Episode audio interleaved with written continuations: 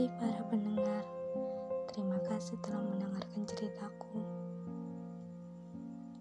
Aku adalah seorang gadis biasa yang mempunyai hobi melukis. Dari hobi itu, aku ingin menjadi seorang seniman.